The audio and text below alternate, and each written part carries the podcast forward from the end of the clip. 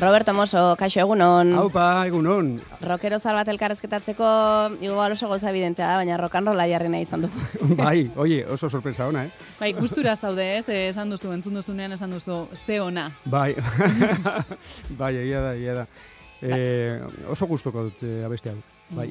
Kantatuko zenuke hau orain, esan digute asko kantatzen duzula, eta letrak buruzak izkizula, baina zakit intimidadean egite dute duzun, edo baita mikroparean ere. Hombre, orduenetan, eh, mesedes. Orduenetan ez. Rock and roll damnation. Roberto, zer modu zaude? E, itzuli altzara, Radio Euskadiren egoitzara, mikroetatik alderdu zarenetik. Bai, bai. Bai. E, itzulinaz, eta gainera, e, sartu bezain pronto, e, jaserri naiz mm, e, dagokidan lekuan, eta esan diate, hori ez da zure lekua. Hori da, eh, esango dugu Bilboko estudioan gaudela, eta mai honek dauka, alde batetik, eh, normalean, eh, kastetariak eh, jartzen garen aldea, ez? Ba, irratiko mailarekin, eta parean izaten ditugu gonbidatuak, ba, Roberto estudioera sartu, eta kastetariaren lekoen jarri da. Oraindik ez duzu txipaldaketa egin? Bakizu, eh, anbotoko belea, anbotora ez, esaten da. ba hori, bai. E, baina, bueno, batzutan e, tokatzen zaite alde honetan e, eotea, eta ez da zer gertatzen ja, ohitura dakot. Zenbat urte egin dituzu irratian, Roberto? Ba, puf, e, mila bederatzen da oita bitik, e, zenbat urte dira, berrokei edo, ez? Ze- Ze, zein urtetatik esan duzu? Mila bederatzeren da? Da, laro eta bi. Bai, ba hori da, berroita bi urte, Bai, bi mila eta hoxe. hogeita lau, ah, bueno, baina, Irratia bi berroita bat urte. Bueno, a ver, a ver, es que te, eh, mm, tartean bazegoen e, e, hori denboraldi bat e, telebistan egon nintzala da hori, eta hori ez dakite kontatzen dan, baina bueno, kasetaritzan oroar hori, bai. Eta nolako izan zen hasiera hori?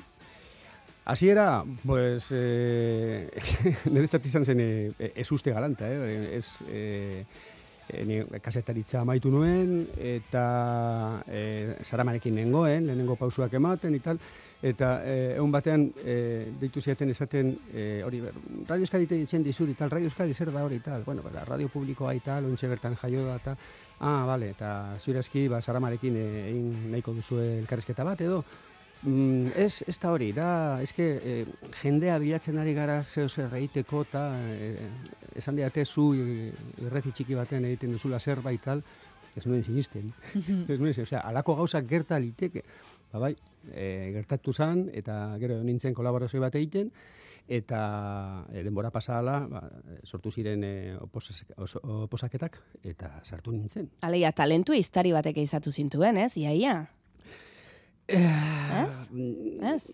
Bueno, bueno, eh, bakoitzak jakingo du, aber, eh, zeitik eta... Bueno, baina zure bila joan ziren alegia. Bai, bai, bai, nire bila, Bai. bai, bai, bai. Bueno, bakizu, eh, ez zegoen horren beste jendea kasetaritzarekin eta pixka bat ibi- ibilaldi txiki batekin, eh, ni nengoen Ja. bezalaz.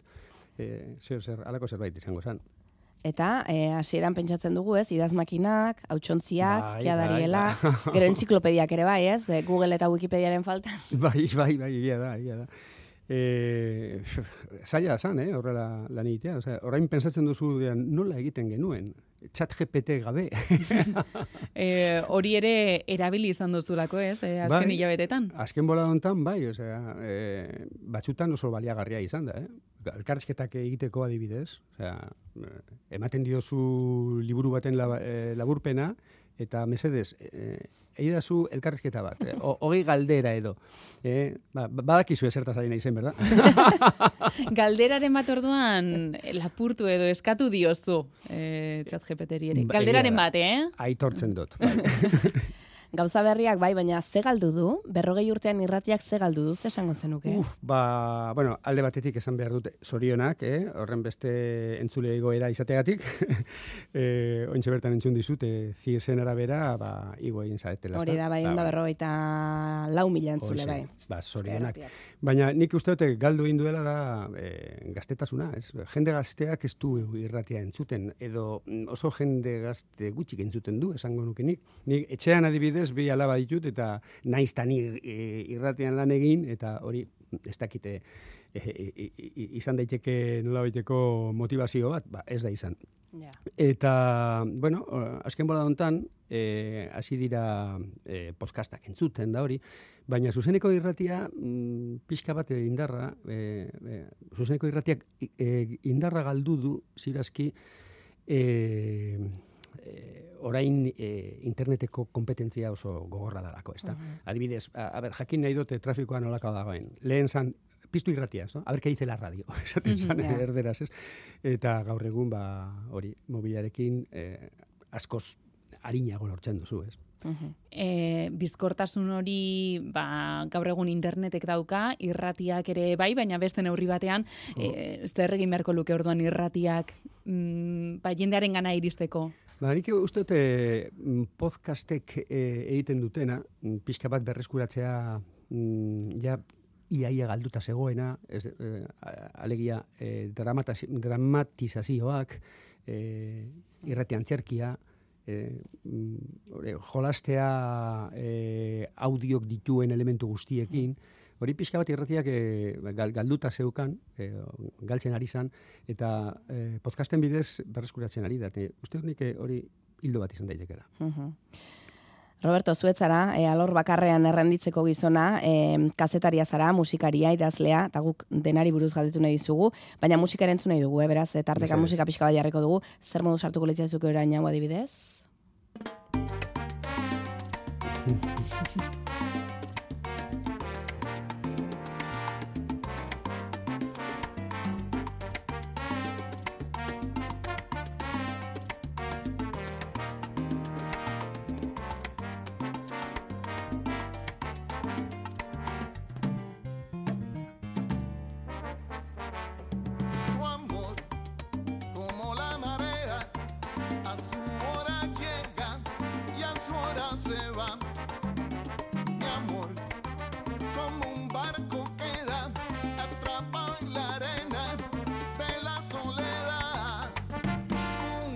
Ruben Blades da hau, eh? Zu erretiro hartuta, ze, bi, bidean ebilizara, Roberto? e, oso aholkulari honak izan dituzu, eh? Oso, oso onak. E, zein da galdera markatu? Ez, bideian, bideian ebili omentzara, erretiroa hartuta gero?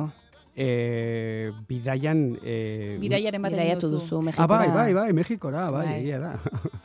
bai, bai. E, eta gainera oso, oso bidai polita izan zen, eh? Familia osoarekin, eta oso kontzertu honak eh, ikusteko parada izan nuen.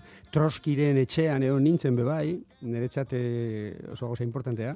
E, Frida Kalorena ere e, bizitatu nahi nuen, baina ba, zegoen dana salduta ez dakite datorren urtera arte. Increíble, zer bihurtu da, bueno, kriston hilara gainera ikusi nitun, baina oroar oso gomendagarria Mexikoa, ez? E, bai, beldurrezko pelikulak kontatzen dizkizute, baina ez da horren besterako izaten.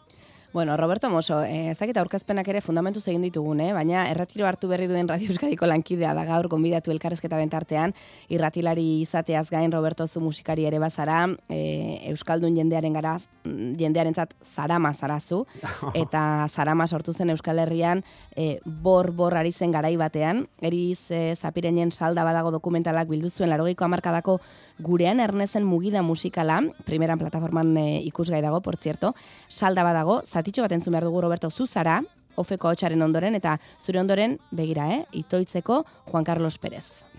beste makina bat rock talderekin batera barrikada jaiotzen bezala, agurainen lapoia rekor sortu zen. Arrasaten drip, irunen bomito, errenterian odio eta basura, ibaizabalen ezkerraldean eskorbuto eta zarama, gazteizen ertzainak eta zikatrizen amatriz. Toda la vida comiéndome el coco. Ertzainak eta zara mataldeek, baina bazuten berezitasun bat, roka euskaraz egiten zutela. Alde batetik euskaltzaleak ginen, orain dik euskaldunak ez, baina euskaltzaleak bai, ez da, espalditik gainera. Eta oso gauza naturala zen. Batzutan, bueno, batzutan ez, askotan galdetu didate, jo, baina nola, bakan euskera, ez da, zanturtxin, eta eta esan da guretzat zen batere arraroa. Betiko zatzen dio Robertoi, baina lehenko etorren itzala lehenko urtia Bilboa ikastea tan, zera batian, kabina batian, zara marrokan rol. jo, pintada bat, esan jo, pintada bat, eh? Osa, ez bentzak gaur egunian bakizutan pintaz pintada hola, baina hori flipau nuen. Eta zian rockero bat tipo rolling edo tipo hola, ez? Euskeraz. Eta euskeraz ez santurtzikoak. Rekopon, ez? Juan Carlos Pérez izketan, eh? gaztetxotan eh, ikasle mutrikutik irten, Roberto Bilbora iritsi eta hor kabina batean pintada bat ikusi du. Bai, E, bai, Zarama rock and roll pintada bat, flipatu oinoan, enuan, e, hori esan du berak, euskaraz, euskaraz eta santurtzikoak rekopon. Re, rekopon altzineten. bueno, saiatzen ginen, ez? E, eta egia da, gure estrategia hasieran e, beste batzuen faltan, zan hori e, pintadak egitea eta munduari esatea talde bat e, geneukala eta egunen batean kriston fama lortuko genuela, ez? Eta gero, bueno, beste batzuk e, kopiatu zuten estrategia eta gainditu egin ginduen, e, ba, ba, soberan, ez? E, adibidez eskorbutoruek. E, laurogeiko amarkadako mugimendu horrek pisu handia izan du Euskal Herrian gero ere, e, kostazen, horri aldea pasatzea kostazen ez, eta oraindik ere badut tiradizoa, eren egun harriagan mierda de ciudad musikala antzestu zuten adibidez, e, zuk jarraitu duzu musikan, beti jarraitu duzu musikan, ez da, Roberto? Bai, bai. Eta gaur egun e, e, lotzen naz beste lagun batzuekin musika egiteko ere bai. Eta, bueno, azken bola hontan oso bolo bereziak egiten nahi, naiz, e, ba, adibidez e, Bilboko Orkesta Sinfonikoarekin eta hori, ba, ba, pixka bat e, e, adibidez e, ura bere bidean izenekoa, Bai. eta, oiek, bai, gustatzen zait e, kontaktuan egotea musikarekin. E, gaur egun ze leku du musikak zure bizitzan? Ba, oso leko importantea. E, musikari gabe ezin da bizi, ez? Mm. Nire kasuan horrela da. Eta, bueno, e, entzuten dut beti kotxean e, noanean, etxean beba e, entzuten dut, gero e, esan dizuenez e, lagun batzuekin biltzen naz astean behin e, musika egiteko elgarrekin, eta egunen batean igual e, agertuko da zeo zer e, merkatuan edo. Ah, bai? bueno, merkatuan edo sarean, ez? Bai, orain sarea da merkatua, baina, bueno, Bueno, bai. em, orduan zerbait sortzen ere ari zara edo asteko gogoa baduzu. Bai, bai, bai. Bai. Gustatzen zaitez. Bai, gainera ikasi dut nola baite kitarra jotzen lehen esnekien, eta, bueno, eh, naize klaseak eh, jasatzen, eta eh, jasotzen eta jasatzen gauza biak. Eta eh, ba naiz orain eh, ba, neure abestiak eh, inolako laguntzarik gabe egiteko gaitasuna, ezta? Ba naiz gai. Eta rokaren bidetik jarraitzen duzu? Bueno, roka, saltza, jasa, eh, gero eta zabalago bihurtzen ari naiz pentsatu nahi dut nik. Bai, disfrutatzeko orduan eta zeo zer egiteko orduan. Bueno, jasa egiten, ez dut egiten, baina roka eta beste motako ba, zenideak eh, egiten ditut, bai.